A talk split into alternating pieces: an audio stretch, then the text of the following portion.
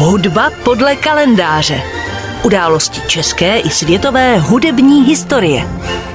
Dnešní hudba podle kalendáře připomene 370. výročí narození barokního hudebního skladatele a varhaníka George Mufata. Narodil se 1. června 1653. Byl původem ze Savojska a působil na mnoha místech Evropy, především v Salzburku a Pasově. Mufat se narodil v savojském panství, které tehdy, tedy v polovině 17. století, bylo součástí svaté říše římské. Po rodičích byl skotsko-francouzského původu. V letech 1663 až 9 studoval v Paříži, pravděpodobně u Žána Baptista Liliho, což ovšem není zcela jisté. Poté žil několik let v Alsasku, zejména ve Šlectatu, takže byl v cizině milně považován za tamního rodáka, ale působil zde jako varhaník. Od roku 1674 pobýval v Ingolštatu, kde studoval práva a následně se přesunul do Vídně. Ve Vídni se Mufatovi nepodařilo získat oficiální jmenování a tak v roce 1677 odcestoval do Prahy. Tady skomponoval mimo jiné houslovou sonátu a ucházel se s ní o místo v kroměřížské kapele olomouckého biskupa Karla II. z Lichtensteina Kastelkornu, v té době obsazené Pavlem Josefem Vejvanovským.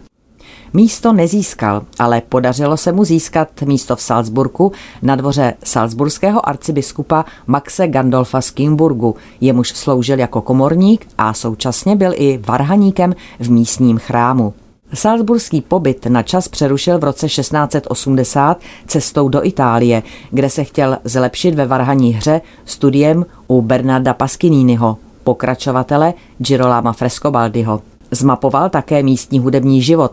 Napsal o Arcangelu Corelim, kterého si velmi považoval, že je zakladatelem hudební formy Concerto Grosso a jeho zápisky z italské cesty jsou pramenem pro poznání života v tehdejším Římě. Od roku 1690 až do své smrti v roce 1704 pak Mufat působil jako kapelník v Pasově u dvora pasovského biskupa. George Mufat zemřel 23. února 1704. Dnes si na Klasik Praha v hudbě podle kalendáře připomínáme odkaz barokního varhaníka a skladatele Georga Mufata. Jeho dílo bylo ovlivněno italskými a francouzskými skladateli – Napsal mnoho instrumentálních sonát, orchestrální svity, varhaní tokáty i orchestrální koncerty grosy. Je též autorem čembalových partit či několika děl s náboženskou tematikou. Mufat byl stejně jako před ním Johann Jakob Frauberger a po něm Georg Friedrich Händel kosmopolitním skladatelem. Sehrál důležitou roli ve výměnách evropských hudebních tradic. Informace obsažené v jeho Florilegium primum a secundum jsou téměř jedinečné.